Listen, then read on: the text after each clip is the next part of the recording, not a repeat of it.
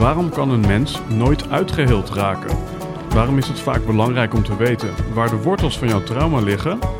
En is AI in staat om jou te helen? Ik ging in gesprek met Robert Bridgman. Mijn naam is Eddie Boom en dit is de Helden en Hordes podcast.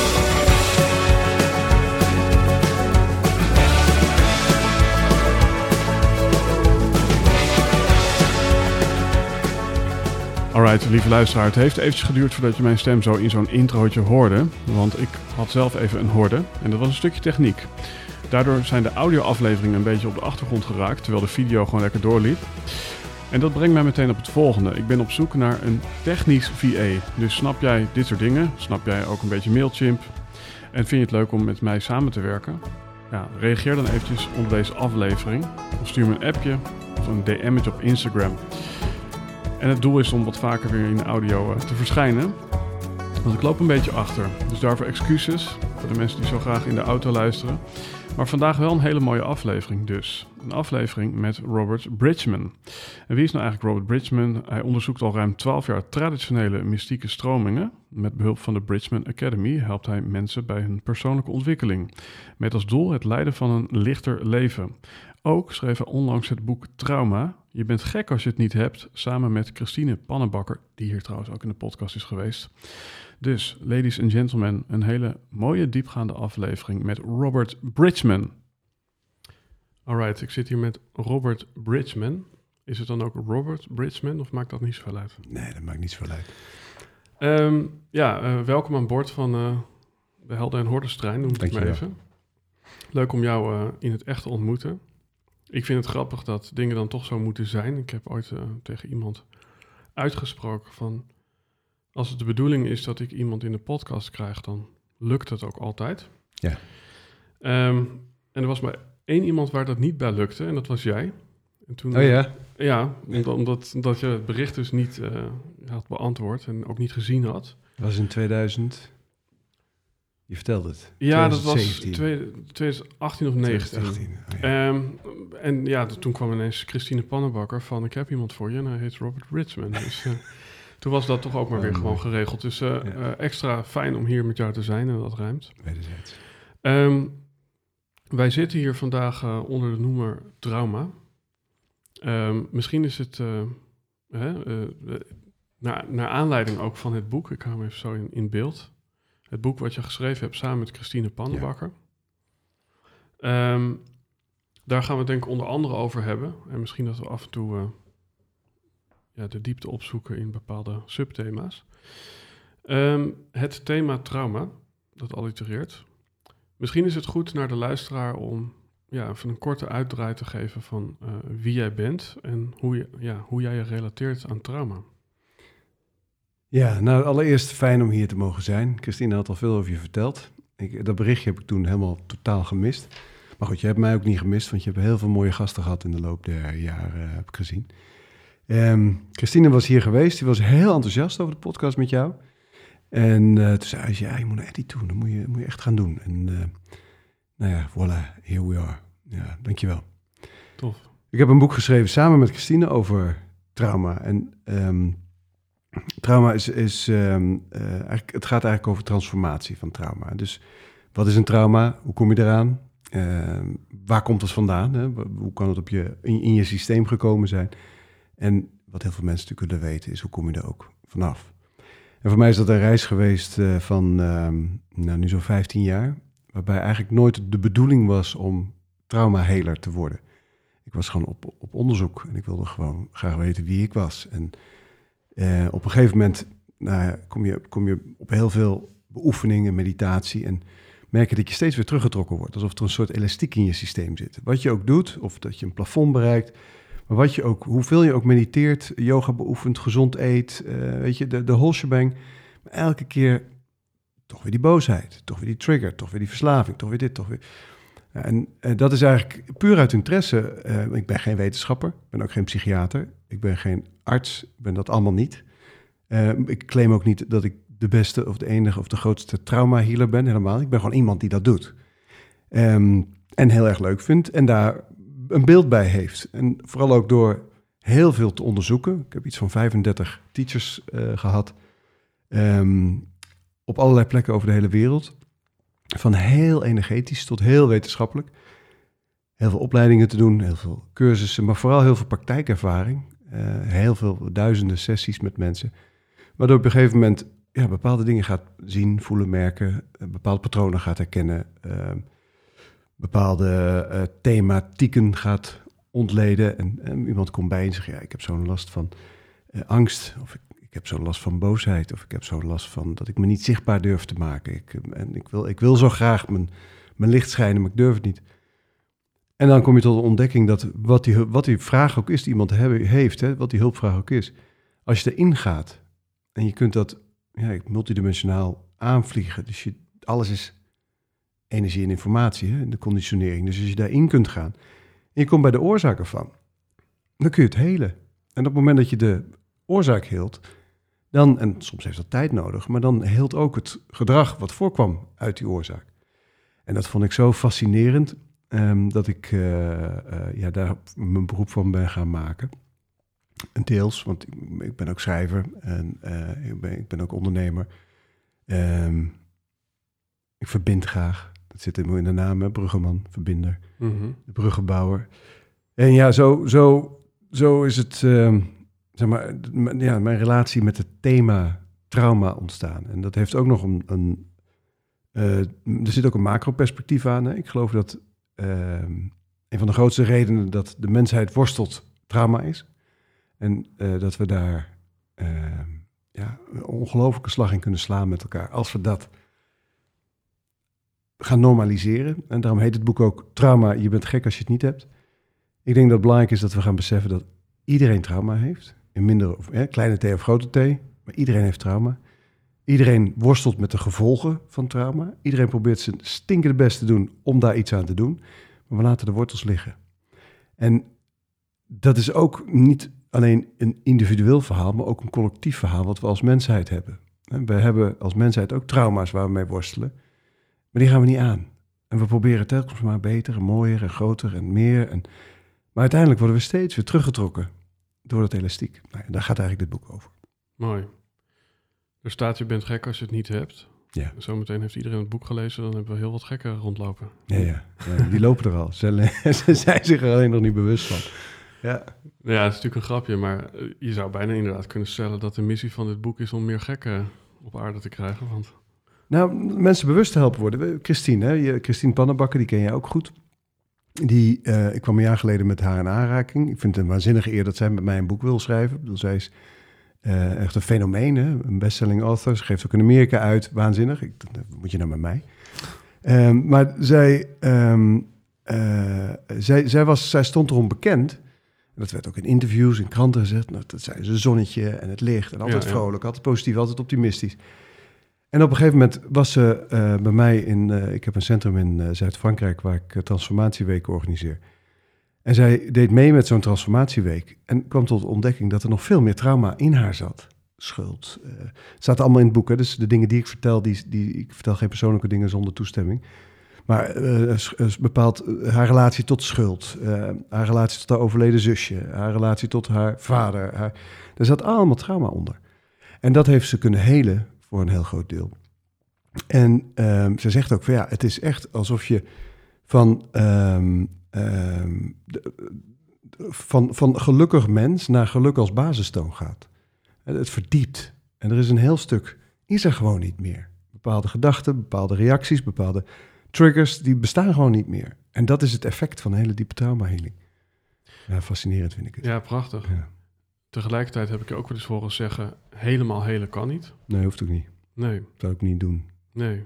Ook gewoon lekker je schaduw omarmen. Wanneer is het genoeg? Hè? Dus, dus, dus wanneer heb je genoeg trauma eh, onder ogen gezien? Nou, als je, als je sport hè, eh, en je gaat naar de gym of je, je zit op voetbal, wanneer is het genoeg?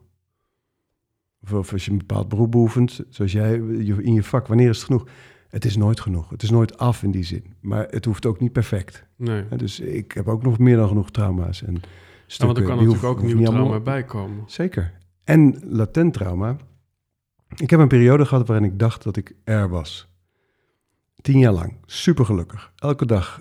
eh dat staat ook in het boek wat jij gelezen hebt, hè? Licht en Leven. Ja, Elke dag yoga, meditatie, anderhalf uur over de tijd voor gezond eten. Eh, alle verlokkingen was ik van bevrijd. Toen werd mijn oudste zoon geboren. En boom, er kwam zoveel terug. En ik was helemaal vrij van angst voor geldgebrek. Ik leefde in volledige overvloed, het stroomde, het was er altijd het moment dat ik het nodig had.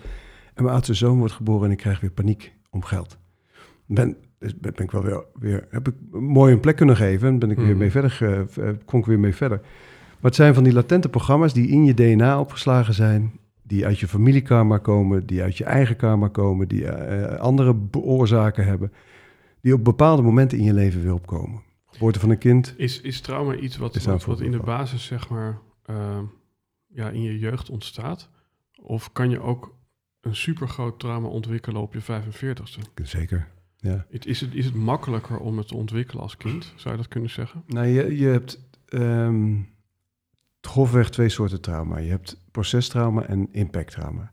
En impacttrauma, die loop je vaak later op. Er gebeurt iets, een ongeluk, eh, een, een, een overval, iets, iets heel naars, iemand gaat dood, eh boom. Impacttrauma's, impacttrauma's die ehm, zijn over het algemeen best wel overzichtelijk. We hebben vaak ook wel lijntjes naar je jeugd en, en misschien nog wel daarvoor. Ik weet niet hoe ver je wil gaan in deze, in deze podcast. Ehm, Alles mag. alles mag. Procestrauma, dat is trauma die over periode van tijd ontwikkeld wordt. En dat kan zowel zijn door wat je te veel krijgt, als je hè, de- de- te veel agressie, te veel misbruik, te veel eh, eh, regels, te veel, eh, maar ook te veel opgehemeld worden. Hè. De narcisme kan daaruit voortkomen. Dus kan, maar het kan ook heel goed zijn wat je te weinig krijgt. Ja, mooi. Niet gezien, niet gevoeld, niet gehoord. Eh, Dus het is wat je wel krijgt, wat je niet krijgt. En als, dat zich, als, je, als je vader altijd, zoals die van mij bijvoorbeeld, eh, met, ik heb een goede relatie met mijn vader, maar hij was natuurlijk wel altijd aan het werk. Ja, Zeven uur 's ochtends ging hij de deur uit en s'avonds om zeven uur half acht kwam hij weer thuis. En in het weekend was hij bij een sportvereniging waar hij bestuurslid was. En ja, dat doet iets met een kind. En blijkbaar ben kinderen trekken conclusies. hè. Oké, eh, hij is weg, dan zal ik wel niet belangrijk zijn. Eh, je, voelt, je voelt je niet gezien als kind, niet gehoord, niet, niet gewaardeerd. En daar trek je allerlei. Je, gaat dat, je kunt dat nog niet in de context van de situatie plaatsen. Dus je trekt het naar jezelf toe en je, maakt dus, je trekt dus de conclusie: oké, ik ben dus niet goed genoeg. ja. Ik ben niet waard om liefde te ontvangen en zo verder en zo verder. En op die conclusies en dat, de wondjes die daar ontstaan, dat wordt uiteindelijk een grote wond. Daar bouw je vervolgens je copingstrategie op. Daar komt je karakter op. Je, ehm, het is natuurlijk al een deel bij geboorte bepaald, maar dat wordt doorge, doorge, doorgevoerd. En je persoonlijkheidsstructuur die ontwikkelt zich. Ja, want dat vind ik meteen even mooi, hè? En ehm, nu gaan we misschien meteen een stukje de diepte in. Daar kunnen we ook zo weer uitstappen. Maar ik heb jou horen zeggen bij Giel... ehm, dat het er uiteindelijk niet zozeer om gaat dat je verlicht raakt... maar het gaat erom dat je authentieker wordt. Ja, vind ik wel. Ja, mooi. Ja. Hè, maar als we het woord authentiek dan even leggen... naast wat jij net zegt... dus ik hoor namelijk ook dat dat trauma ja, zich kan uitwerken in jouw gedrag. En daarmee hè, dat, dat mensen in mijn omgeving zouden kunnen zeggen: "Ah, dat is nou typisch Eddie. Hè? Ja. Maar wat is dan het verschil? En ik kan me voorstellen dat het moeilijk te beantwoorden is tussen authentiek leven en ja, ja leven eigenlijk eh, vanuit copingmechanismen die misschien bij trauma zijn ontstaan. Ik vind het een hele mooie vraag. Het is het verschil tussen heilzaam en onheilzaam, denk ik. Weet je, voordat je verwekt werd, was je een soort oneindig potentieel. Een, een, eh, noem het een ziel. Ehm, noem het een, een voorbijde ziel. Daar kunnen we later misschien nog wat over zeggen. Een, een on- onlosbaar, ehm, onlosmaakbaar eh, gedeelte van het kwantumveld. En alles was mogelijk. Je had natuurlijk wel bepaalde imprints mee, een bepaalde blueprint zeg maar, voor dit leven, een bepaalde zielsmissie, mag je het ook noemen. En vervolgens word je verwekt en land je als het ware in die baarmoeder. En dan begint een aanpassingsproces. Want je wordt geboren.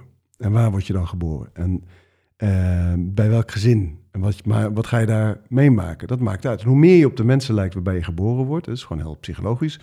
Hoe meer je op ze lijkt, hoe meer liefde, liefde en, en, en veiligheid je zult ervaren. En dat zijn voor mij de twee basisingrediënten voor een gezond kind: liefde en veiligheid. Maar goed, je wordt geboren.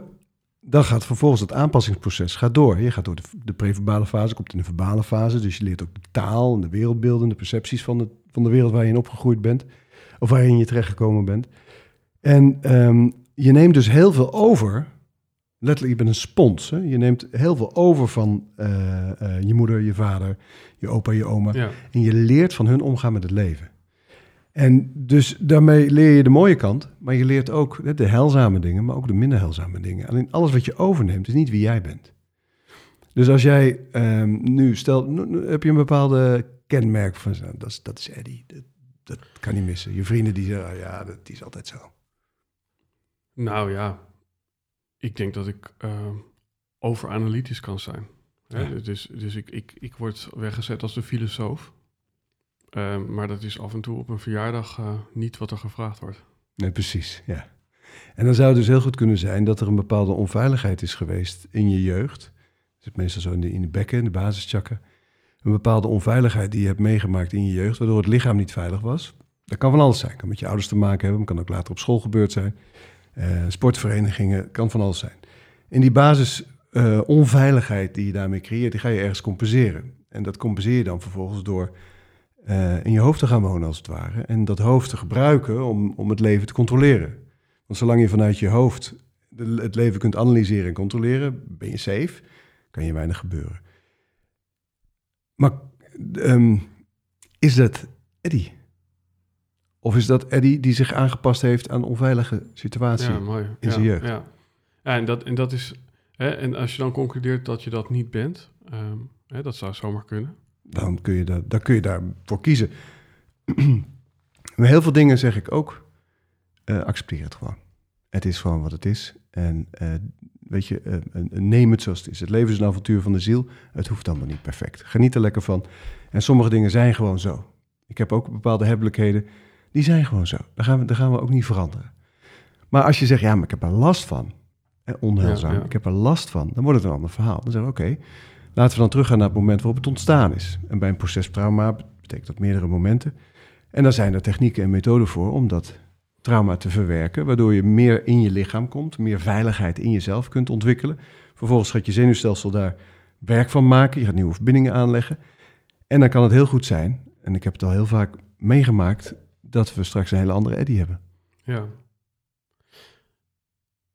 En daarmee hè, refereer ik even naar een vriend van jou.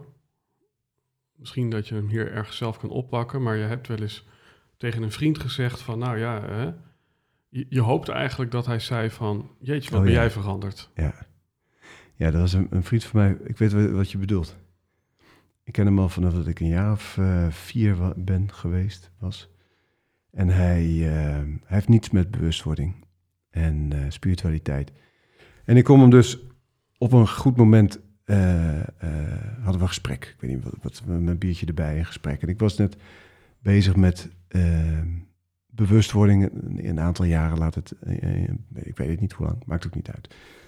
En ik zei tegen hem, jeetje, maar vind je niet dat ik veranderd ben dan? Ben totaal zo, zo anders geworden dan, dan zoals je me gekend hebt.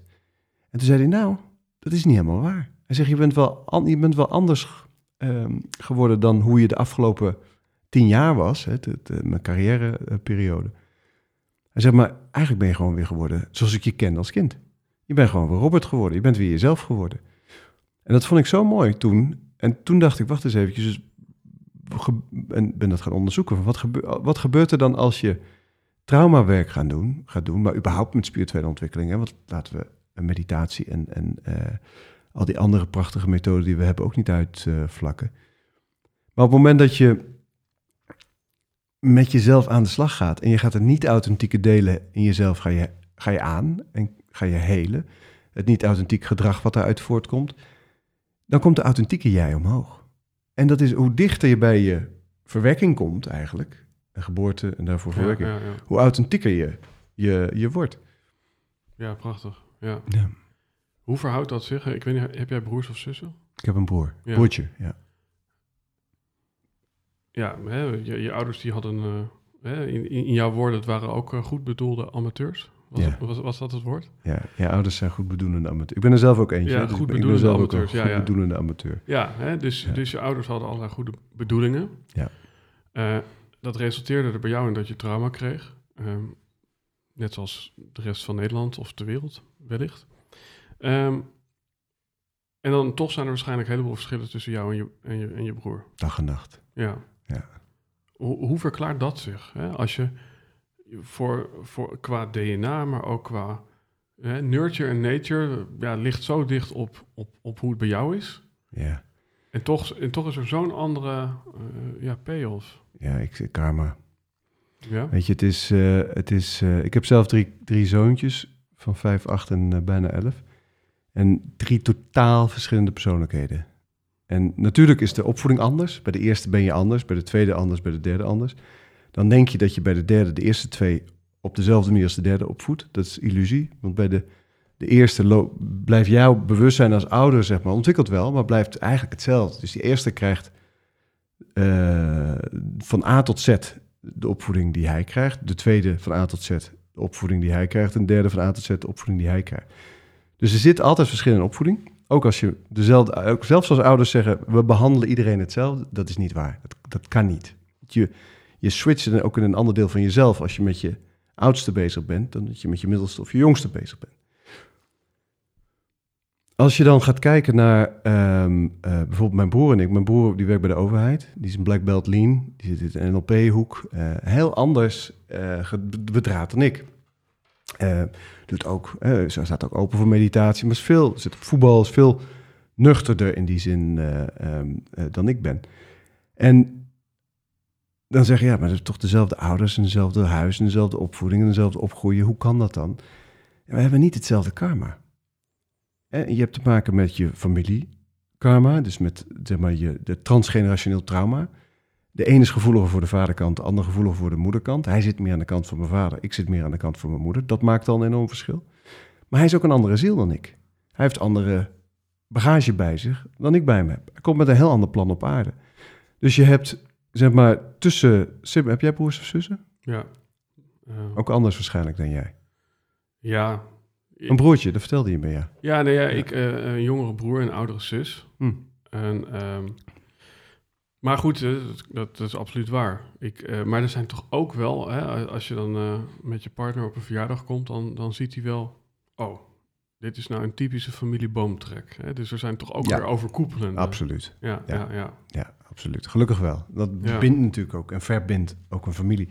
Een familie is ook een, het is een entiteit. Hè? Een mens is een entity, maar een, een familie op zich ook. ja. Ja. Als we het hebben over patronen die, die zichtbaar worden bij mensen met trauma, eh, zijn er dan, hè, net zoals je het net had over impact en proces, zijn er dan ook bepaalde narratieven eh, ja, die, die daaruit voortkomen, die heel vaak voorkomen? Ja. Nou, wat, je, wat, jij, wat we net, zeg maar, het thema wat je net aandroeg, het in je hoofdleven is het natuurlijk voor heel veel mensen een thema.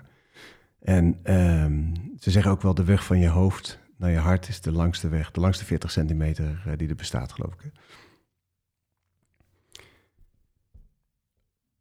Bijna altijd is in mijn ervaring de, de oorzaak daarvan onveiligheid in de basis. Dus in het lichaam, eh, in het gevoel. En heb je op een gegeven moment gezegd, nou, als het, zo'n, als het leven zo heftig is, dan ga ik het niet meer voelen. Dan gaat de deur dicht. Als je de negatieve gevoelens blokt, blok je ook de positieve gevoelens. Dus heel veel mensen ehm, leven in hun hoofd, zijn disconnect van hun lichaam, van hun emoties, van hun eh, gevoelens. Ehm, en hebben hele heftige stimuli nodig om te kunnen voelen, om prettige gevoelens te krijgen. Dus eh, eh, drugs bijvoorbeeld, of bepaalde muziek, of grote feesten, heel intensief dansen. Of, en ehm, ja, dat, dat is een waanzinnig, ik, waanzinnig interessant fenomeen, vind ik. Dat op het moment dat je met de mensen aan de slag gaat en ze komen meer in hun lijf en ze gaan voelen, dat ze dan eerst door al die nare gevoelens heen moeten die ze al die tijd hebben weggedrukt. Blijkt Ja, altijd ja. mee te vallen trouwens, blijkt altijd mee te vallen. Dan denk je, oeh, trek een enorme beurtput onder eh, open en dan is het, een, is het eigenlijk een, een klein kuiltje. Maar vervolgens ehm, eh, leren ze ook voelen en gaan ze het leven ook veel meer ervaren. Want als je in je hoofd leeft, ben je toch een soort beschouwer. Aan-. Je aanschouwt het leven, je zit er niet echt in. Terwijl op het moment dat je in je lijf komt, met dat lichaam, het is eigenlijk één groot wandelend zintuig, daarmee ervaar je deze derde dimensie realiteit. Nou, een ander voorbeeld wat ook heel veel mensen herkennen, wat op zich ook niet verkeerd hoeft te zijn, denk ik, is ehm, eh, bewijsdrang die ontstaat door het niet gezien worden. Door als je op jonge leeftijd veel afwijzing en afkeuring hebt gehad, niet gezien werd, eh, niet gewaardeerd werd, of je niet gewaardeerd voelde voor, voor wie je was, dan kan dat omgezet worden in bewijsdrang. Je ziet heel veel bij hele succesvolle mensen een enorme bewijsdrang. En als je daar dan op inzoomt, dan kom je uiteindelijk terug bij een klein jongetje of klein meisje wat zich eenzaam, alleen en niet gezien voelt. Ja. En dat vind ik, en zo kan ik, zou ik, zou, nee, honderd is wel veel, maar een heleboel van dit soort patronen kunnen geven, wat ook gelijk gevaarlijk is als therapeut. Hè? Want ja. als ik met jou aan de slag ga, moet ik niet voor ingenomen zijn. Maar het Mhm. zijn wel patronen die ik heel veel zie. Ja, kijk, in de basis denk ik dan al. Hè, kijk, een hert die, die schudt eh, zo de, de schrik van zich af als die oog in oog met twee koplampen staat. Hè, als, als, als mens slaan we dat dan op. Ja. Hè, ik zeg slaan we dat op, maar waar slaat dat op? dus, Ja. dus, dus misschien heb je daar een antwoord op. Van, wat, wat maakt dat wij als mensen denken... eh, nou, deze die kapselen we even in en dan gaan we daar eh, over twintig jaar nog eens een keer naar kijken. Ja, ik denk dat een, een dier minder complex is in die. Mijn hond die komt bij me. Ik heb geen tijd. Ik ben iets aan het doen. En ik haai hem over zijn bol en ik zeg nu even niet. Hij draait zich om. Hij schudt de teleurstelling van zich af en gaat weer verder met zijn dag. Eh, mijn zoontje komt bij me. Ik heb, ben aan het werk. Ik heb geen tijd. Ik zeg, ik haai hem over zijn bol. Ik zeg, joh, papa is even aan het werk, nu even niet. En mijn zoontje trekt de conclusie. Ik ben niet goed genoeg. Zijn werk is belangrijker dan ik. Ja, En, eh, daar, eh, en creëert daarmee eigenlijk zijn eigen wond. Gebaseerd op, want het ene zoontje die zegt, oké pap, en die gaat voetballen. En een andere zoontje die, eh, creëert, die creëert er een, want je doet het uiteindelijk zelf, hè, zo'n creëert er een trauma mee in zichzelf. En dat is ook, ja, wat is, wat is ehm, de- dus het verschil tussen mens en dier zit hem daarin. En wat is dan de zin van dat trauma? Volgens mij ehm, is het de bedoeling dat we trauma's ontwikkelen. Volgens mij is het, je kunt een kind niet traumavrij opvoeden. Ehm, en volgens mij is de bedoeling dat we bepaalde wonden ontwikkelen, zodat we die ook kunnen helen. En in, in mijn wereldbeeld, maar goed, geloof niet van wat ik zeg, onderzoek het zelf. In mijn wereldbeeld is dat heeft het te maken met je karma. Transgenerationeel tra- karma, dus uit je familielijnen, zielskarma en energetisch karma. En het kan alles te maken hebben met eh, vloeken, geboden, eh beloften, geloften die je ooit in welk moment in tijd dan ook hebt afgelegd aan een mens, instituut of God. Ehm, en, en, en nog veel meer. Dus energetisch trauma is een heel breed veld. Hebben we ook over, eh, bij de, diepen we ook uit in het boek. Maar die, die velden maken dat je met een bepaalde bagage aankomt, hier, land, in de, in de, in, in, bij je geboorte. En vervolgens ja, is, het, is het je taak om die bagage op te ruimen, als het ware. ja, Maar daarvoor moet het eerst geactiveerd worden. En ik noem dat karmische wonden. Dus in je jeugd activeer je trauma, wat van andere tijden is, omdat je het nu komt helen. En dan zien we dus ook als mensen dat gaan doen, en die gaan daarmee aan de slag en die gaan eh, het, het grootste deel van hun trauma helen. Ik zeg altijd, geef jezelf drie, vier jaar intensief traumawerk Ja, om, daar, eh, om dat te doen. Ja, dat dan ineens ruimte komt voor wie ze echt zijn en wie ze authentiek zijn. En ook vaak ontdekken wat ze te doen hebben in het leven. Ja, wat ik, wat ik ook bijzonder hier aan vind, is we hebben dus in eerste instantie het trauma zelf, wat we dus opslaan. Hè, dus je kan al zeggen, nou dat is misschien niet heel handig. Misschien kunnen we dan nog wat van de dieren leren. Maar goed, vanuit een soort karmisch perspectief heeft het misschien wel een functie. Maar vervolgens hoe we er dan mee omgaan. Hè, we kopen een witte Tesla om papa te imponeren, terwijl papa niet eens meer leeft. Ja. Hè, of eh, dat jongetje van het schoolplein te laten zien hoe groot de biceps je hebt, terwijl je al twintig jaar van de basisschool af bent. Absoluut. En, en zo is dus eigenlijk het gedrag wat voortkomt uit ja, het inkapselen van het trauma, wat toch al niet dienend was, dat is op zichzelf ook niet echt dienend. Nee, helemaal niet vaak. En dat is ook ehm, de humor ervan. ehm, dat je, als je... Ze zeggen tijd heet alle, heelt alle wonden. Maar in het geval van trauma is dat niet waar. Tijd geeft je de gelegenheid om copingmechanismen te ontwikkelen. Mensen zijn pijnvermijdende wezens. Hè? Dat zit ook in ons limbisch systeem. Wij willen geen pijn voelen. Als je hoofdpijn hebt, neem je een paracetamol. Ehm, het is logisch, want eh, pijn kan overleven e- evolutietechnisch de, de dood betekenen of, of, Ja, of ja. gevaar betekenen. Dus we willen weg bij pijn en we zoeken genot. Op het moment dat je dus zo'n wond ontwikkelt en je doet er niks mee, ehm, dan ga je die, die wond ga je, die moet dicht. Die, moet, die pijn is te heftig. En dan ga je beschermingsmechanismen ontwikkelen en kopingsmechanismen. Nou, dat kan van alles zijn. Dat kan een deel van je persoonlijkheid afsplitsen. Ehm, ik ga daar nog een stuk verder in in het boek. Ehm, dat het ook externe invloeden kunnen zijn die je overneemt van anderen, of zelfs een, een hele andere.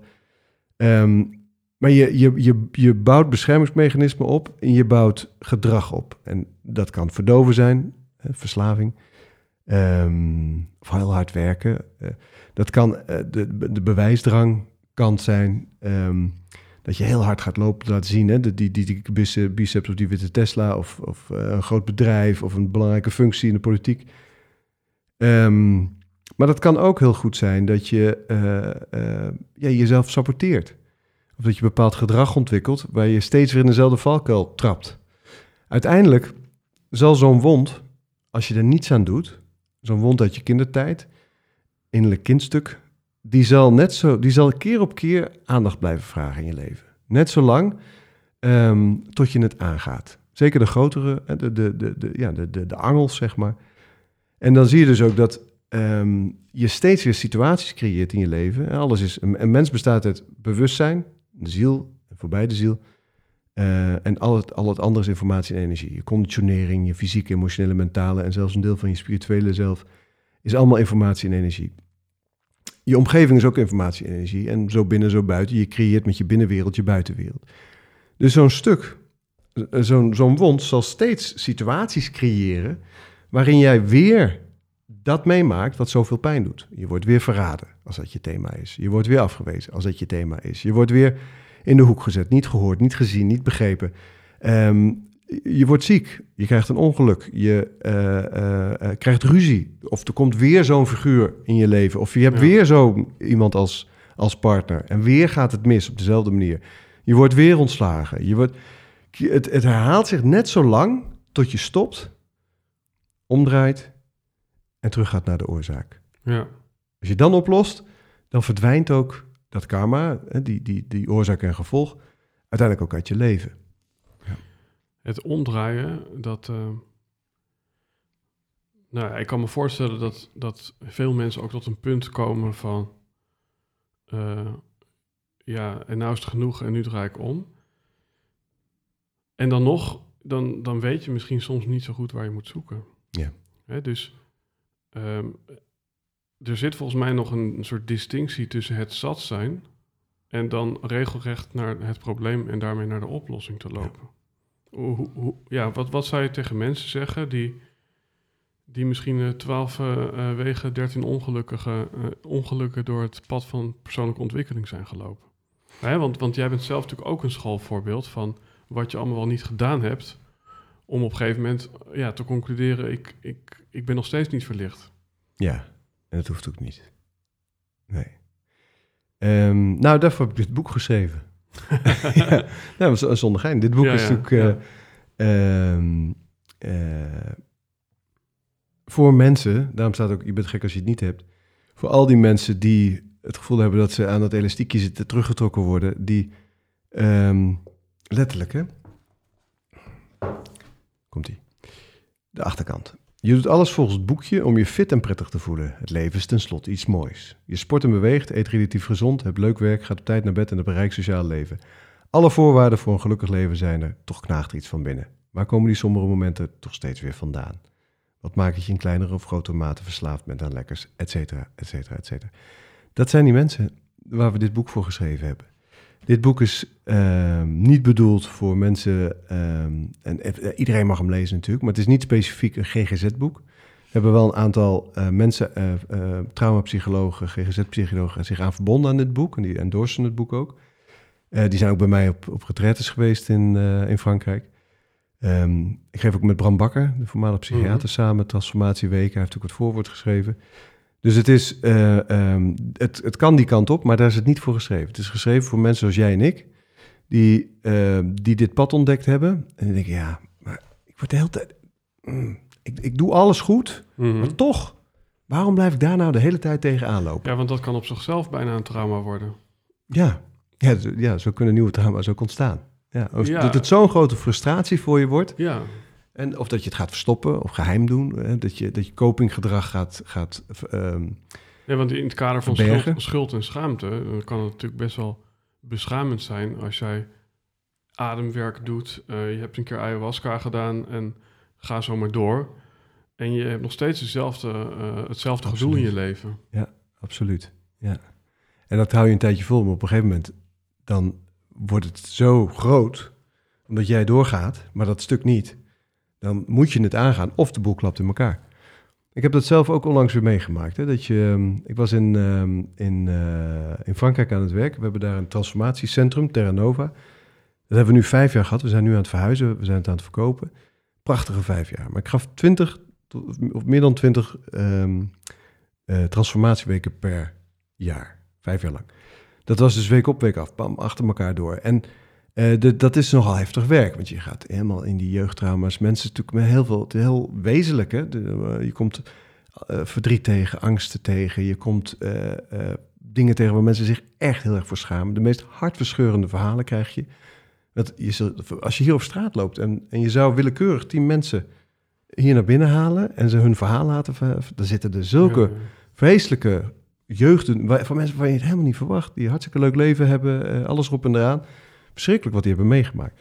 Nou, dat, dat heb ik eh, vijf jaar lang heel intensief gedaan. Daarnaast heb ik, heb nog een onderneming in, eh, in Nederland, Bridgman Academy. Daar moest ik ook heel veel voor doen. Ik schrijf boeken, maak documentaires. Ik heb, ik heb drie kinderen, een gezin. Dus ik was veel te veel aan het geven. En op een gegeven moment merkte ik dat ik oude copingmechanismen, van ik dacht dat ze al lang weg waren, weer terugkwamen. Ik begon sigaren te roken. Nou, ik- ben ik op mijn tiende mee begonnen. En dat, dat was heel lang weg. En in één keer was het weer terug. Ik begon weer alcohol te drinken om me te kunnen ontspannen. Ehm, ik begon bepaald gedrag weer te vertonen. Ik werd boos. Dat was ook heel lang weg geweest. Ehm, ik had bepaalde frustraties weer. Ik dacht, jeetje man. In, in eerste instantie, ik, ja, maar ik ben, ik moet, ik ben de, de, degene die deze mensen allemaal eh, helpt, begeleidt. En ik, ik zit adviezen te geven. En ondertussen gebeurt het mezelf ook. Dus dan kom je in het eerste inderdaad Mhm. in een stukje van... eh, eh, wat is dit? Waarom gebeurt dit? Ehm, schaamte is een groot woord, maar je probeert het toch wel eventjes voor jezelf te houden, zeg maar. En op een gegeven moment moest ik ook gewoon ervoor uitkomen. Zei, joh, ik Ja, want al was er niet een soort van moreel conflict? eh, dat jij Ja, ja, dat s'avonds- s'avonds een wijntje deed terwijl je overdag mensen door trauma heen trok. ja, nou ja, op zich is daar niks, niks mis mee. Ja, ik heb, ik heb niks tegen... ja, ja. Ja, ik heb niks tegen alcohol. En weet je, het is niet zo dat ik niet, niet drink. Ehm, ehm, helemaal niet zelfs. Ik vind alle genotsmiddelen eh, zijn welkom in mijn leven, maar wel met mate. Ja. En op de juiste momenten in de juiste omstandigheden. En ook letterlijk En met soms ook mate, niet, eh. want als je alleen gaat drinken, dan... eh, Ja, dat kan ook heel gezellig zijn. Nee, en, en soms ook helemaal niet met mate, maar dan, dan is het ook oké. Maar op dat moment was het, was het wel compulsief. En als het compulsief is, dan... kijk, als je ervoor kiest om te roken, is wat anders dan dat je moet roken. En Ja. als je op een gegeven moment een paar van die grote, dikke Cubaanse sigaren per dag aan het roken bent... dan moet je jezelf afvragen waar je mee bezig bent. En ik was, ik, ik was mezelf gewoon aan het opblazen. En dan komen de oude stukken kwamen omhoog. En dat gaf op een gegeven moment wel weer de kans om daarmee aan de slag te gaan. ja. En, ehm, en ik denk dat dat ook, ik, ik omschrijf dit ook helemaal in het boek, dit verhaal, en ook wat ik eraan gedaan heb en hoe ik er weer bovenop gekomen ben, zeg maar. Maar ik denk, dat, ik denk daar een aantal dingen over. Eén is dat er, dat, dat er een ehm, practice what you preach. Maar twee is ook durf mensen zijn. Ja, ik dat, uit een- laatste, dat laatste dat raakt me ook wel in positieve zin. Omdat ik gewoon merk van... Hè, het is bijna voor mij een verademing dat jij dan even zegt... Nee joh, sterker nog, misschien drink ik af en toe zelfs al een keer te veel. En, eh, Ja. Hè, kijk, ik heb zelf, als ik het moeilijk heb, ga ik sigaretten roken. Oh ja, ik, ik kan dat ook. Ja. Ja, en, ehm, en, en dat is wel echt een soort Pavlov. Want Ja. ik kan echt, ja, ja, hè, in het kader van stoppen... Ik heb dan wel eens vier jaar niet gerookt. En dan deed er iets pijn in, in de vorm van een verlies. Voilà. En boom. Ja. Weet je wel? En, ehm, Lekker is het dan, hè? Ja, en ik denk ook van... Ik moet denken aan Taoïsme, waarin ze dan zeggen van... ehm, eerst waren er bergen en rivieren, toen werd alles energie... en toen waren er weer bergen en rivieren. Dat, dat, dat ik het juist bijna charmant vind als je een leraar bent... Hè, om, om ook gewoon te laten zien van... ja, we, mogen ook gewoon deelnemen eh, aan, aan, aan, aan het genot en aan de dualiteit. En, Ja, ik vind het wel. Mooi dat je dat zegt. Ehm, voor mij is het leven een avontuur van de ziel. Ik zeg dat wel, wel vaker, maar dat is het ook echt. Ook qua eh, hoe ik leef, hoe ik in het leven sta. Eh, het is belangrijk dat je geeft, dat je deelt. En tegelijkertijd is het ook belangrijk dat je de menselijke ervaring beleeft. We zijn geen mensen die zo spiritueel mogelijk proberen te worden. We zijn spirituele wezens die een menselijke ervaring komen, komen beleven. Ja, ja, ja. Doe het dan ook. En eh, het, is, het lijden is pas op het moment dat je iets doet en je keurt het af. Of je veroordeelt het. Als je, als je zegt, nou, ik koop een pakje sigaret en ik paf dat lekker leeg. Daar is niks mis mee. Als je dat tien jaar lang doet, dan moet je je wat af gaan vragen, weet je wel. Maar er is niks mis mee. Als je zegt, nou, ik ga vandaag eens even lekker een paar, eh, een paar glazen whisky drinken. Ja, doen. Daar is niks mis mee. Je hoeft niet ehm, rigide te zijn om spiritueel te leven. Mooi, ja. Gewoon jezelf zijn. High five. Mooi. Nee, ja, nee Ja. ik, vind, ik vind het belangrijk dat dit, soort- dit soort dingen worden uitgesproken. En dat zal misschien ook echt iets over mij zeggen. Maar ehm, ja, ik merk dat, dat er ook zo makkelijk eh, weer een nieuw eh, overtuigingssysteem geactiveerd wordt. Wat misschien nog wel schadelijker is dan. Hè? Dus je zou kunnen zeggen: Oké, je hebt een periode dan in de disco gestaan. En dan woog je net iets te veel en dan dronk je iets te veel. Ja, dat was niet dienend systeem. Maar ik denk dat het net zo vervelend is op het moment dat we. Ja, ook, hè, je ziet ook vaak een soort van afstoting ontstaan van, ja, ik ben naar India geweest, dus ik weet eh, hoe het zit. Ja, Weet je wel? Dus, maar dat doen we ook allemaal. ja. En daar mogen, daar mogen ook compassie voor hebben. Nee, ik, toen ik, ik had twee jaar in Azië gewoond en ik kwam terug. Ik had anderhalf jaar echt als een monnik geleefd. Eh, alles, qua- alles wat je, alle genotsmiddelen allemaal niet. En alleen maar gezond en heel veel mediteren en heel veel yoga en zo. En ik kwam terug en ik dacht ook, dacht, ik dacht, mijn vrouw dacht er heel anders over. Maar ik dacht echt dat ik verlicht was. En dan kom je weer in het leven.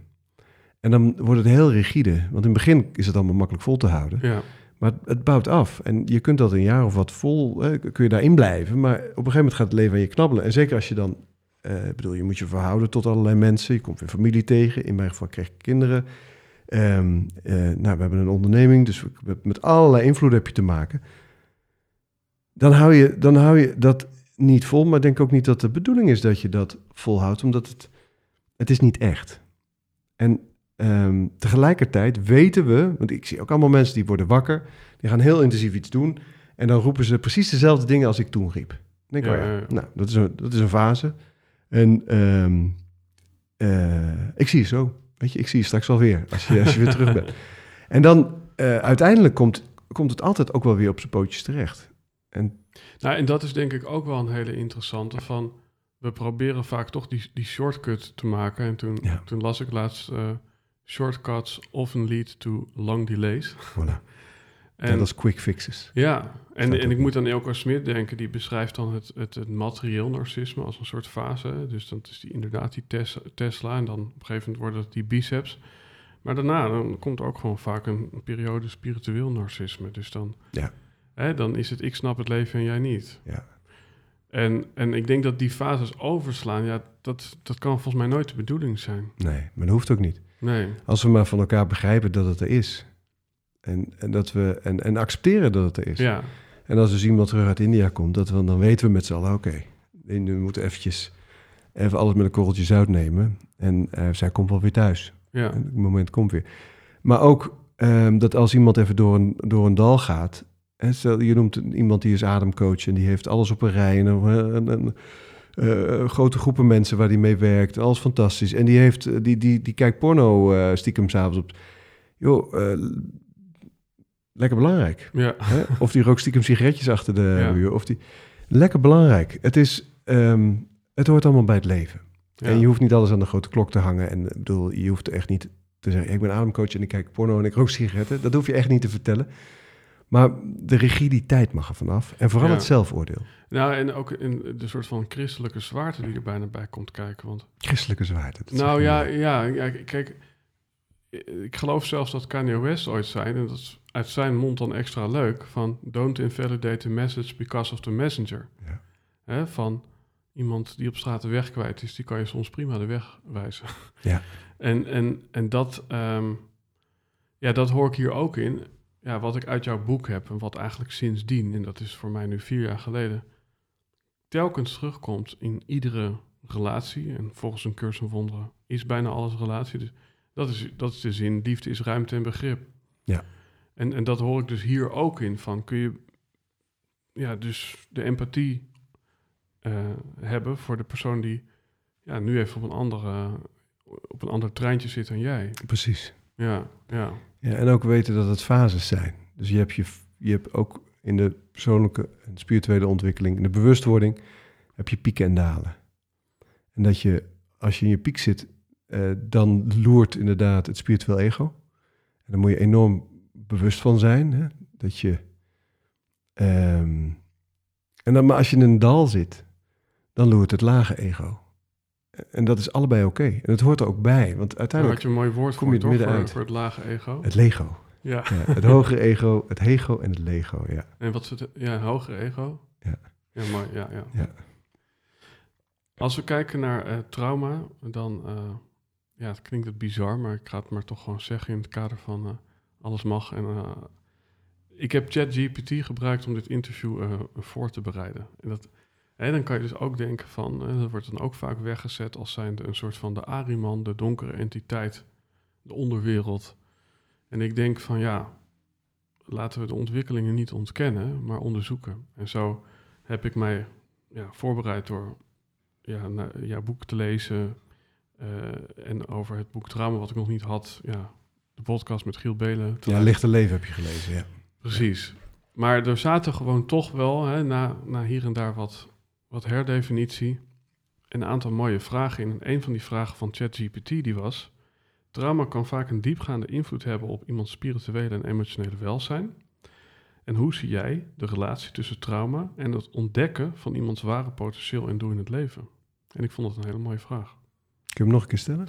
Het gaat dus eigenlijk om het tweede gedeelte. Dus hoe zie je de relatie tussen trauma en het ontdekken van je ware potentieel of ja, persoonlijke levensdoel?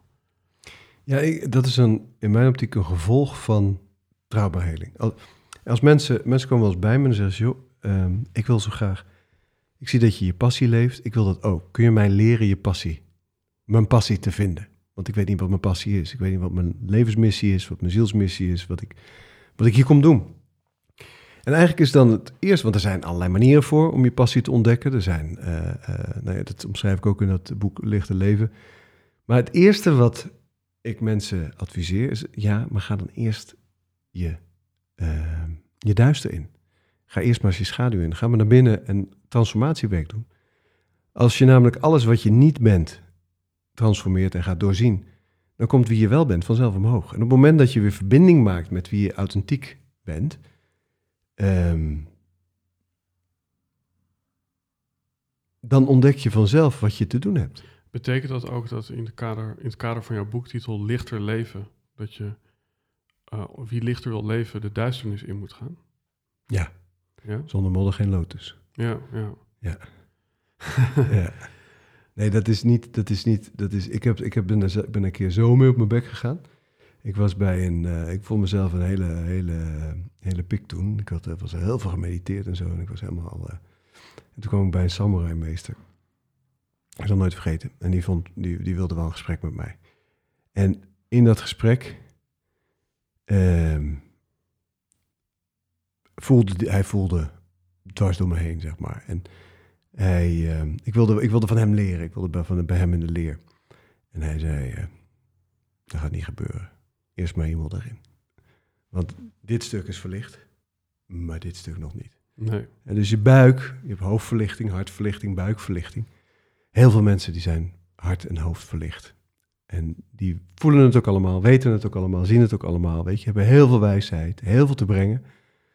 Maar zolang je niet buikverlicht bent, is het niet geïntegreerd. Is het niet authentiek, is het niet echt. Is het een rol op zekere, in de, op, in, in, in- die je in zekere mate aanneemt. Het is ook wel mooi als je dat bijna fysiologisch voor je ziet. Dat de buik is eigenlijk veel dichter bij moeder aarde dan het hoofd. Ja. Dus je bent dan eigenlijk met, met die verlichting nog niet helemaal geïncarneerd.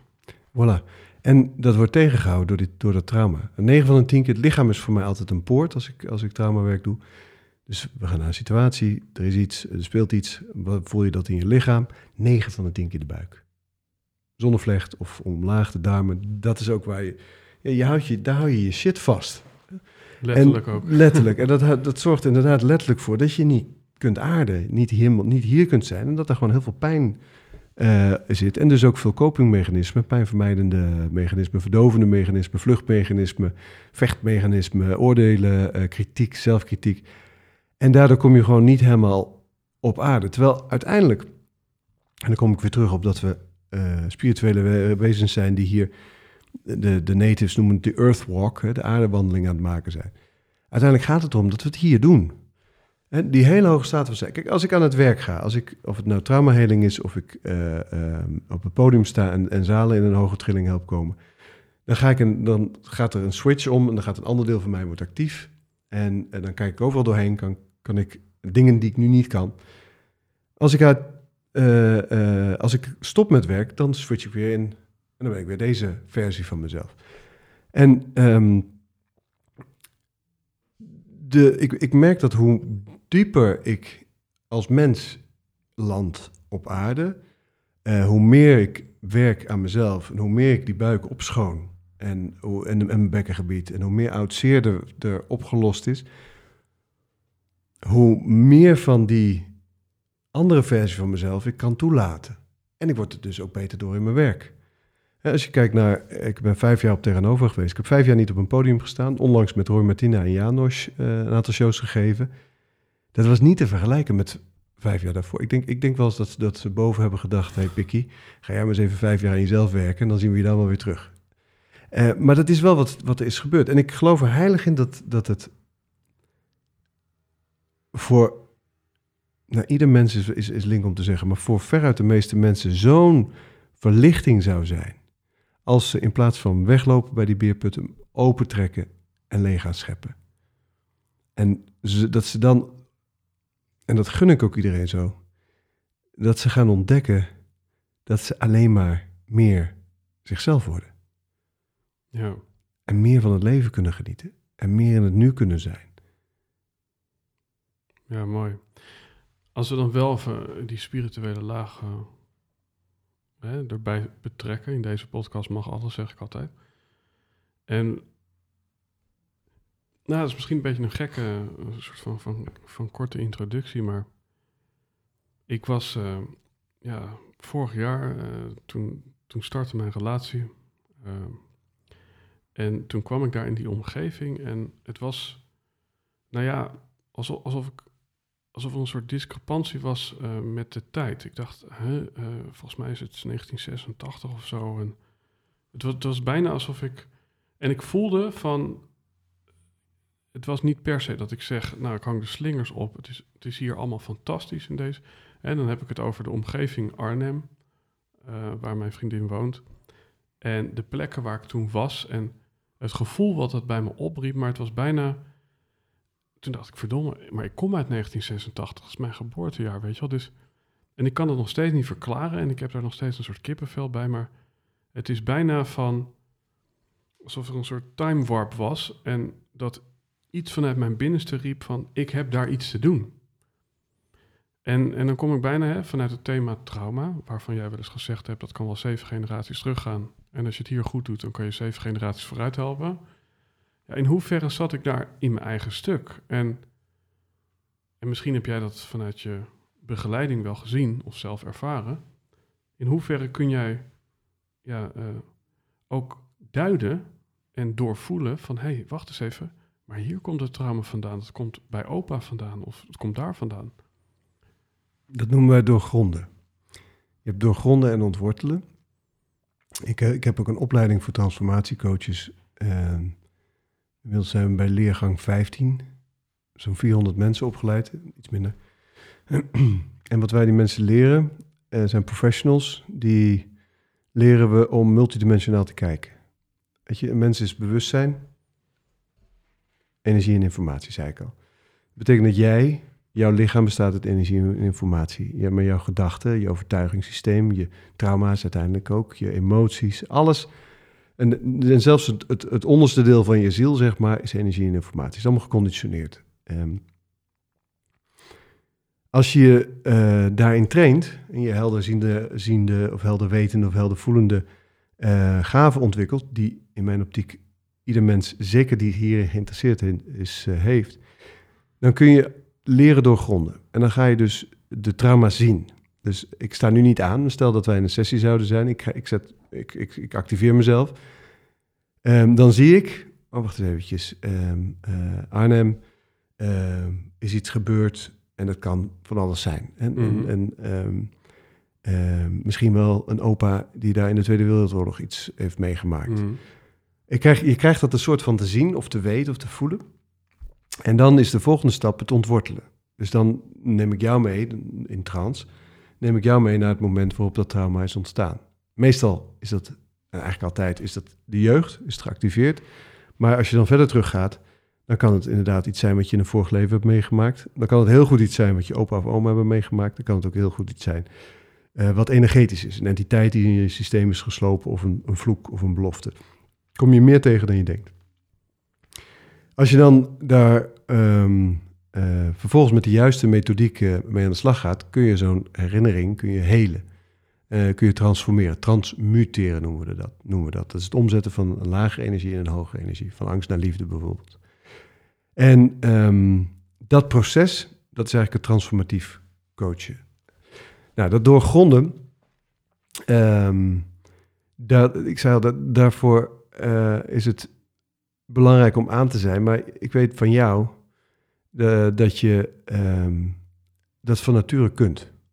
Kan het aan je zien. Je hebt, dat, je hebt die gave. Inmiddels zoveel mensen opgeleid, zie ik aan mensen of ze het kunnen of niet. Ehm, en je vertelde me daar ook wel iets over in het, eh, in het mooie voorgesprek dat we hadden.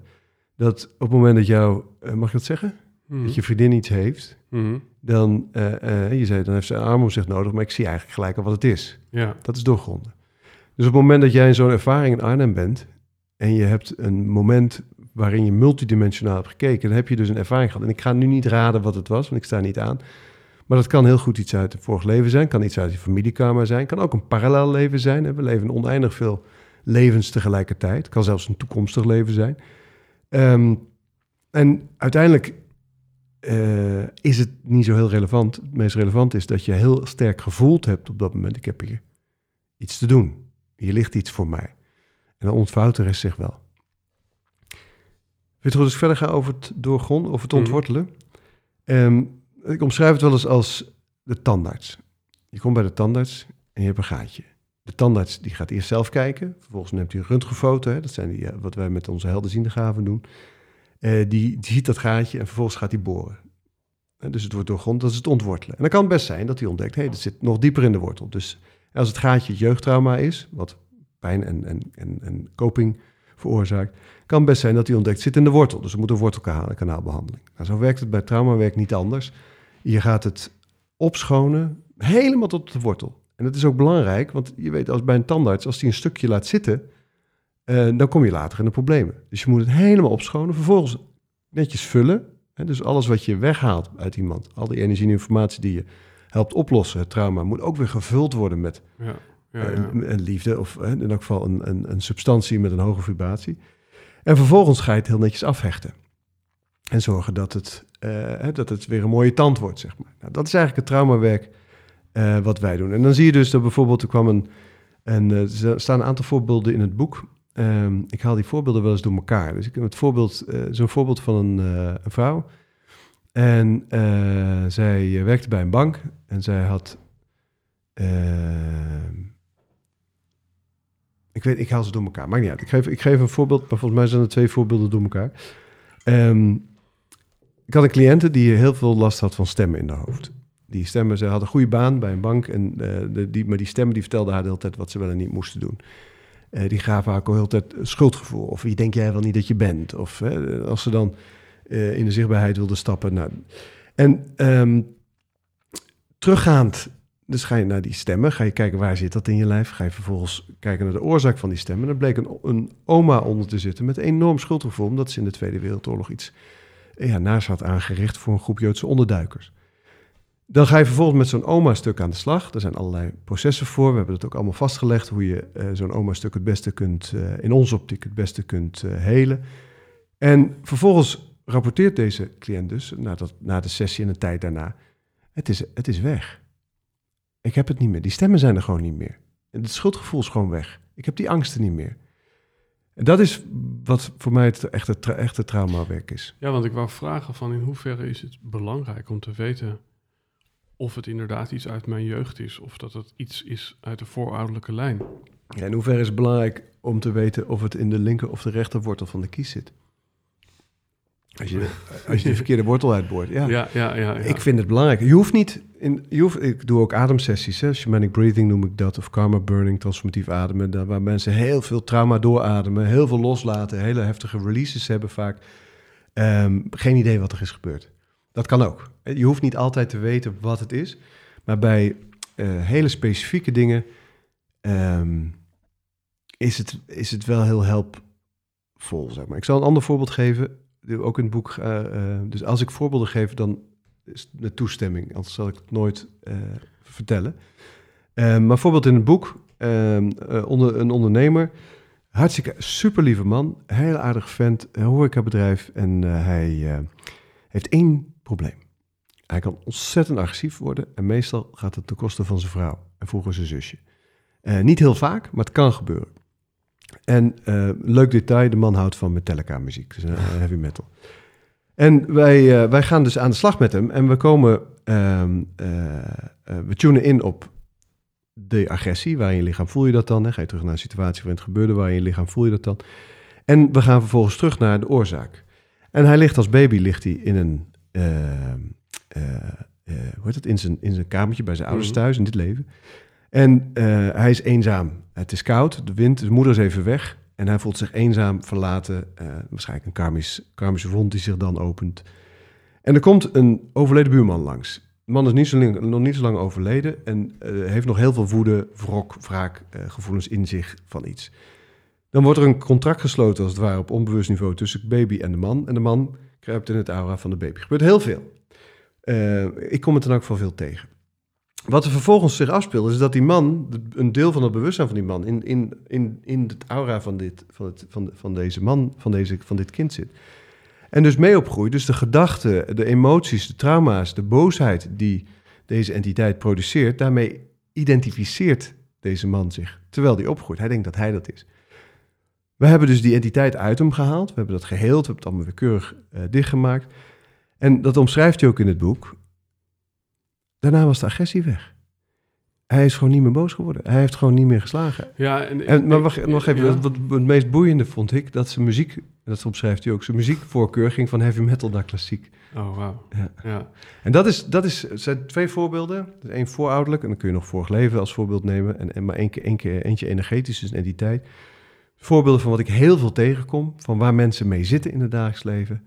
Eh, of het nou woedeuitbarstingen zijn, of stemmen, of angsten. Of, eh, dat dat een hele duidelijke oorzaak heeft. En als je die oorzaak vindt en transformeert, dat je daarmee zo'n issue ook voor een heel groot deel kunt oplossen. Ja, ik, kijk, ik kan me voorstellen dat, dat, dat mensen hè, op dit stuk afhaken, maar ik sta er dan zo in van, nou ja, goed, eh hè, dat is even een kleine soort van tussentijds ding, maar door zo'n podcast wordt zo'n boodschap, en zeker door die korte filmpjes op Insta en TikTok, komt die bij iedereen. Hè? Waar dus vroeger iets binnen een satsang plaatsvond, Ja. mensen die een kaartje hadden gekocht en in een kring gingen zitten, ja, komt het nu dus ook bij mensen die ja, niet een soort van aanloop hebben gekregen. En dan zou het dus kunnen dat er inderdaad een luisteraar tussen zit die denkt, eh, waar gaat dit over? Maar Ja, prima. ja, eh, hè, dan, dan is het er voor die niet en voor de ander wel. Maar ik vind het wel belangrijk om, om, om, om vanuit dat gegeven eh, ja, niet soort van in te dammen op, op, op de inhoud. En om, om, ja, om. Ik voel namelijk heel erg wat jij zegt. Dus ik heb eh, recent eh, iemand eh, tegenover mij gekregen die heel erg boos was. En toen merkte ik van oké, als ik me nou even niet identificeer of dit persoonlijk neem. Toen zag ik die persoon ranten, noem ik het maar even. En ik zag een, een, een, een totaal andere blik. Hè? Voilà. Bijna zelfs dat de oogkleur anders was. En Ik snapte het. talent. Nou ja, en, en, en toen, toen keek ik daarnaar en toen dacht ik... Dit, dit is gewoon heel iemand anders die boos is. Ja. En, En, ja. en ik heb dat eh, redelijk recent meegemaakt. Dus ik vind het bijzonder dat, dat, ja, dat ik dat, eh, dat dat nu ter sprake komt eigenlijk ook. Ja. Nee, je hebt talent. Er zijn twee dingen die nu, nu door elkaar gaan. Laten we één, één, één. Ik heb op een goed moment besloten om geen concessies meer te doen. Ik sta voor bewustzijn, ik sta voor nieuwe aarde, ik sta voor spiritualiteit en multidimensionaliteit. En dan heb ik het, en het kan me echt niet schelen wat mensen ervan vinden. En eh, als mensen soms uh, krijg je hele persoonlijke aanvallen en zo, dat, dat raakt altijd wel een beetje, maar het is oké. Mensen moeten dat echt lekker zelf weten. Ik weet dat er heel veel mensen zijn die me wel verstaan. En daar doe ik het voor. Ehm, de andere is jouw eigen proces. En dat zei ik al, je hebt, je hebt talent. Dus jij ziet, jij kijkt al multidimensionaal. Dus dat betekent dat je ehm, eh, in de realiteit ook eh, de andere realiteiten ziet. Bijvoorbeeld zo'n entiteit, wat je net noemt, op het moment dat ogen veranderen, dan heb je het over een entiteit. Heel veel mensen hebben dat, maar heel weinig mensen weten dat ze dat hebben, waardoor ehm, er allerlei problemen in hun leven zijn die helemaal niet van hun zijn en die ook vrij eenvoudig op te lossen zijn op het moment dat ze ze zouden realiseren waar dat aan ligt. En op het moment dat je dat talent hebt, dan um, hoef je niets daarmee, maar kan je wel voorspellen dat als je ermee aan de slag gaat, dat, dat je heel veel geluk gaat opleveren. Hmm. Want zo'n talent heb je niet zomaar. En ik weet dat er, er zijn meer mensen die nu luisteren en denken, ja, maar dat, hey, dat zie ik ook, dat hoor ik ook. Dat, hey, maar ik zie ook wel eens dat soort dingen of krijg ook wel eens dingen door. Als je zo'n talent hebt, doe er wat mee. Ja. Doe er wat mee. Want het, het, gaat je gewoon zoveel voldoening en geluk opleveren op het moment dat je het kunt inzetten. Ik had het vroeger, ehm, ik zat natuurlijk in de bouw. Ik was uh, directeur van een bouwdienstverleningsbedrijf. Ik kon, ik kon hem goed raken. En, al, en daarvoor trouwens ook al in mijn jeugd, uh, of in mijn, in mijn puberteit. Dat je dan helemaal bezopen bent en dat je dan uh, ze, uh, mensen gaat lezen. Dat had ik dan. dan. Ging ik vertellen, ja, maar jij hebt dit en jij hebt dat. En het komt omdat je vroeger dat hebt meegemaakt met je vader. En, dit. en mensen vonden het verschrikkelijk. En mijn vrienden zeiden dan, oh, dan wordt, hij wordt weer emotioneel. Krijgen we dat gezeik weer. Hou op, man. Tegenwoordig betalen mensen me ervoor. het is dezelfde skill. Het, dus het is een, een handicap als je het niet gebruikt. Mensen oh, doen het niet zo serieus. En jij altijd met je diepe dit. En jij altijd... Nou, er wordt natuurlijk gezegd, dronken mensen spreken de waarheid. Absoluut. Ja. Nee, maar goed, dat ervaar jij natuurlijk ook. Hè? Dat zijn het op verjaardagen, weet ik veel, waar je allemaal uh, je, je, je talent eigenlijk inzet. Mensen zitten daar niet op te wachten, terwijl het een, en dan wordt het een handicap. Maar het is eigenlijk een, een gave die als je hem anders inzet, waar je heel veel mensen mee kunt helpen. Ja, de podcast, uh, dat hebben we nog niet uh, gezegd, is ook zo gestart vanuit, ik heb wel eens gezegd, dit is de verjaardag voor, ja, voor iedereen die zich op een doorgaande verjaardag niet welkom voelt.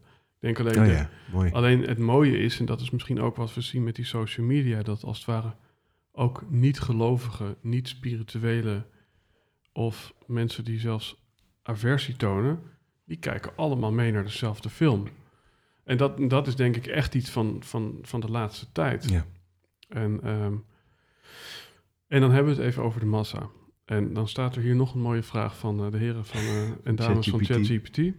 Um, uh, naast het individuele niveau geloof je dat traumaheling ook bredere maatschappelijke gevolgen kan hebben. Hè? Zo ja, op, welk, op, op welke manieren denk je dat het aanpakken van het collectieve trauma de samenleving kan veranderen? We zijn allemaal energie en informatie. En het collectief is ook energie en informatie. En we zijn onlosmakelijk verbonden met het collectief. Fysiek, e energetisch, op bewustzijnsniveau.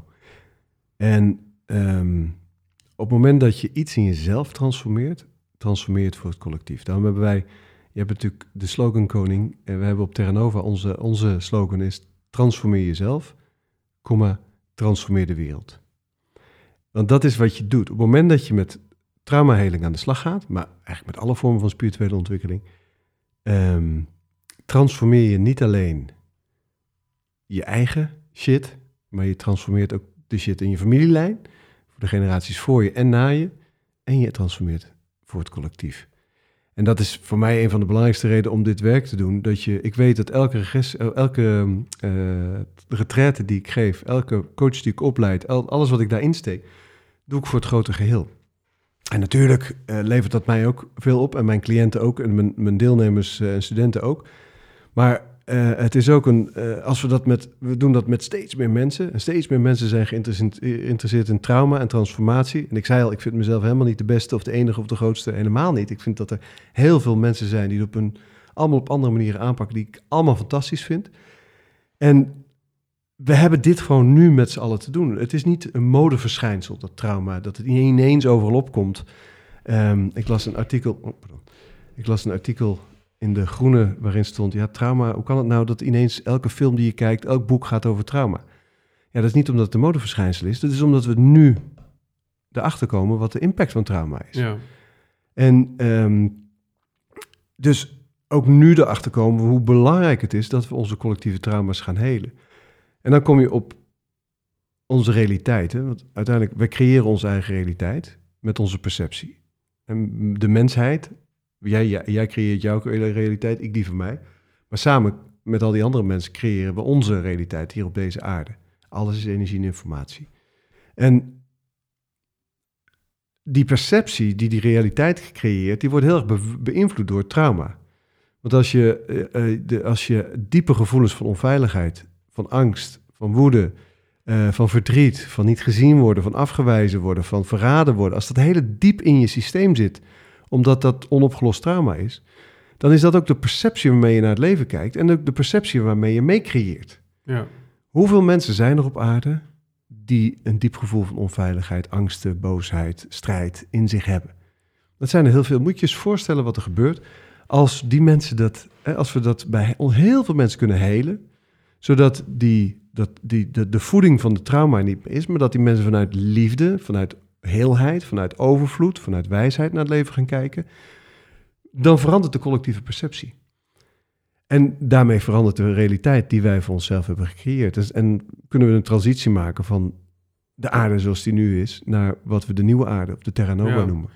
Ja, want ik ben ook nog wel even benieuwd hoe jij je dan verhoudt tot zo'n AI. Want wat ik hier ook nu in beluister, hè, van er worden natuurlijk steeds meer functies ja, overgenomen door. Ja. Hè, of, het nou, of het nou foto's zijn of, of teksten of zelfs hele liedjes die bedacht worden.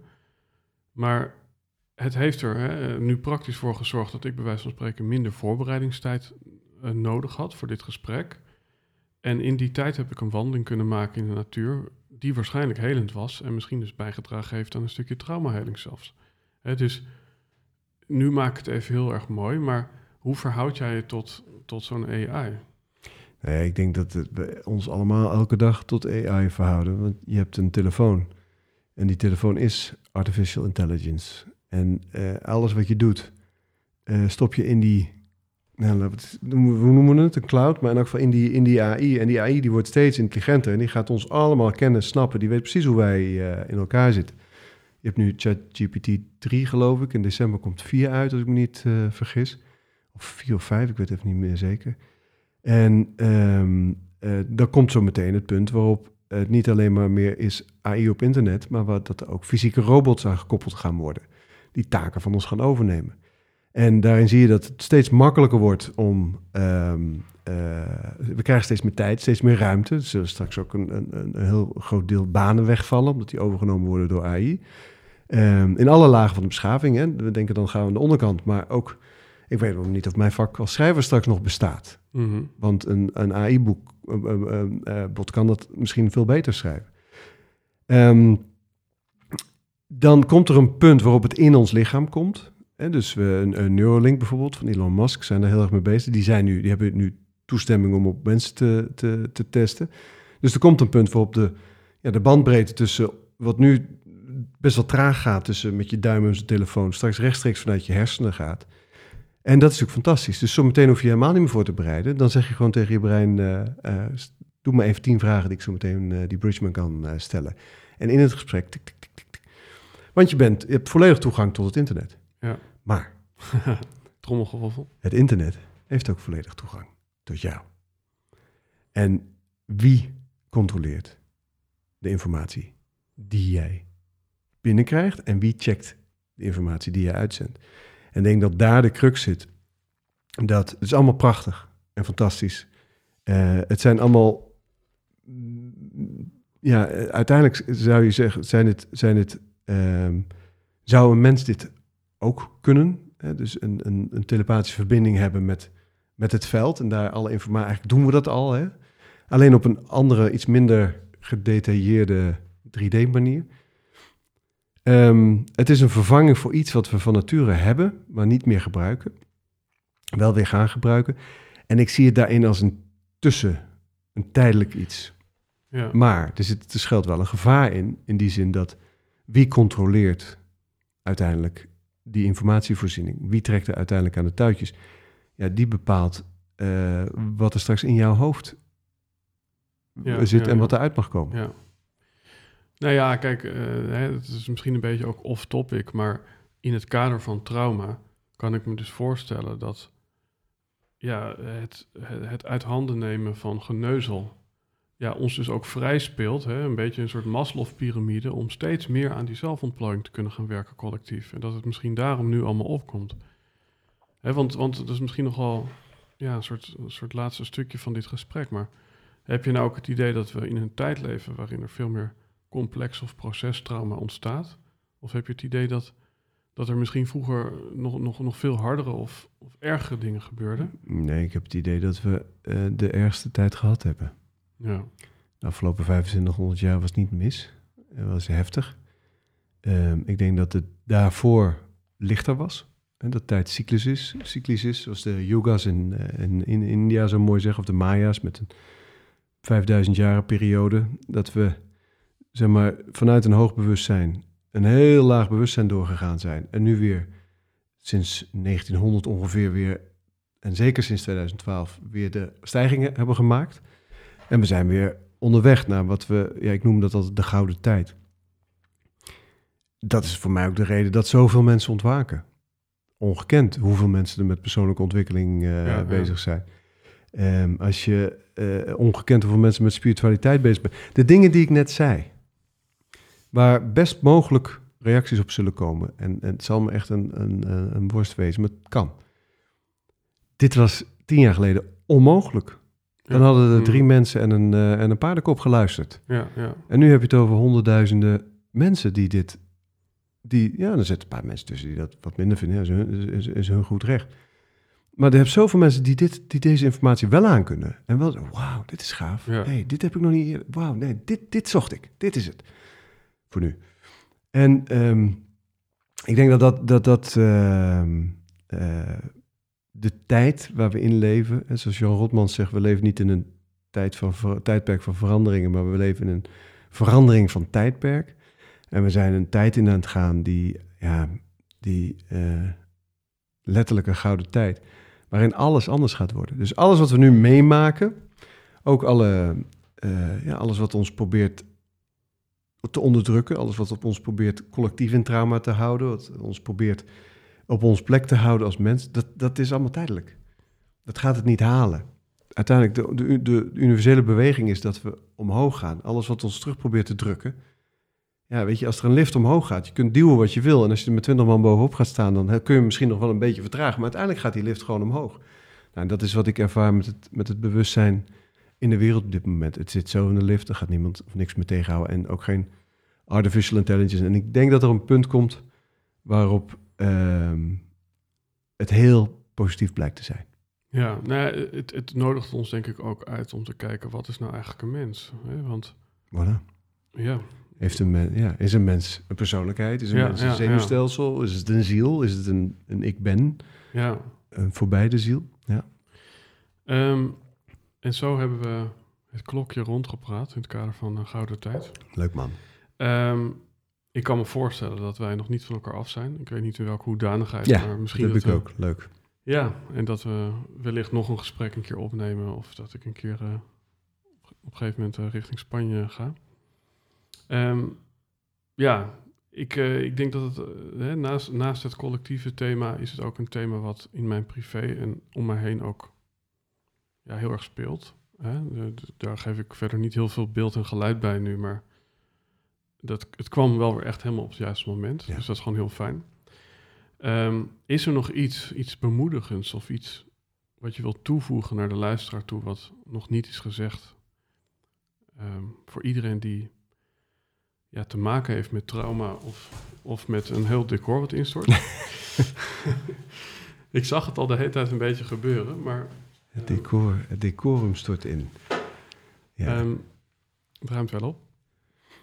Is er nog iets wat je wilt delen met de luisteraar? Ja, ik, ik, ik, wil, ik, wil eigenlijk altijd wel heel positief uh, zijn daarover. We, we uh, leven in een bijzondere tijd. Nee, ik zei het al, steeds meer mensen ontwaken. Uh, steeds meer mensen gaan zich realiseren, bijvoorbeeld de effecten van trauma, maar ook dat je daar dus wat mee kunt doen.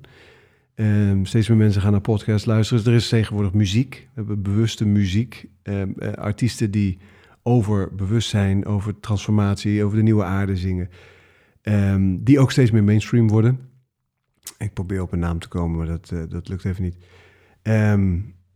We krijgen steeds meer instituten. We krijgen steeds meer. eh, ehm, er worden steeds meer mensen wakker met een maatschappelijke impact. Het is eh, een kwestie van tijd.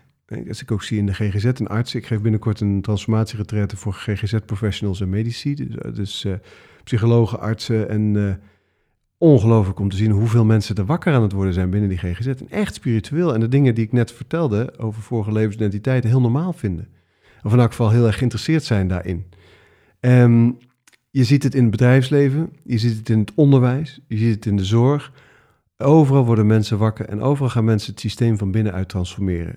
Je ziet het in de marketing. En je vertelde over jouw vriend met dat eh, spiritual, eh, spiritual rebels. Ja, ja. Fantastisch wat hij doet. Hè? Dus ook menselijke marketing. Ehm, langzaam maar zeker is, is die transitie is, is, is, wordt steeds zichtbaarder. 2012 is begonnen. Eh, toen zagen we nog niks. Dacht ik, nou, er is niks gebeurd. Er is heel veel gebeurd toen.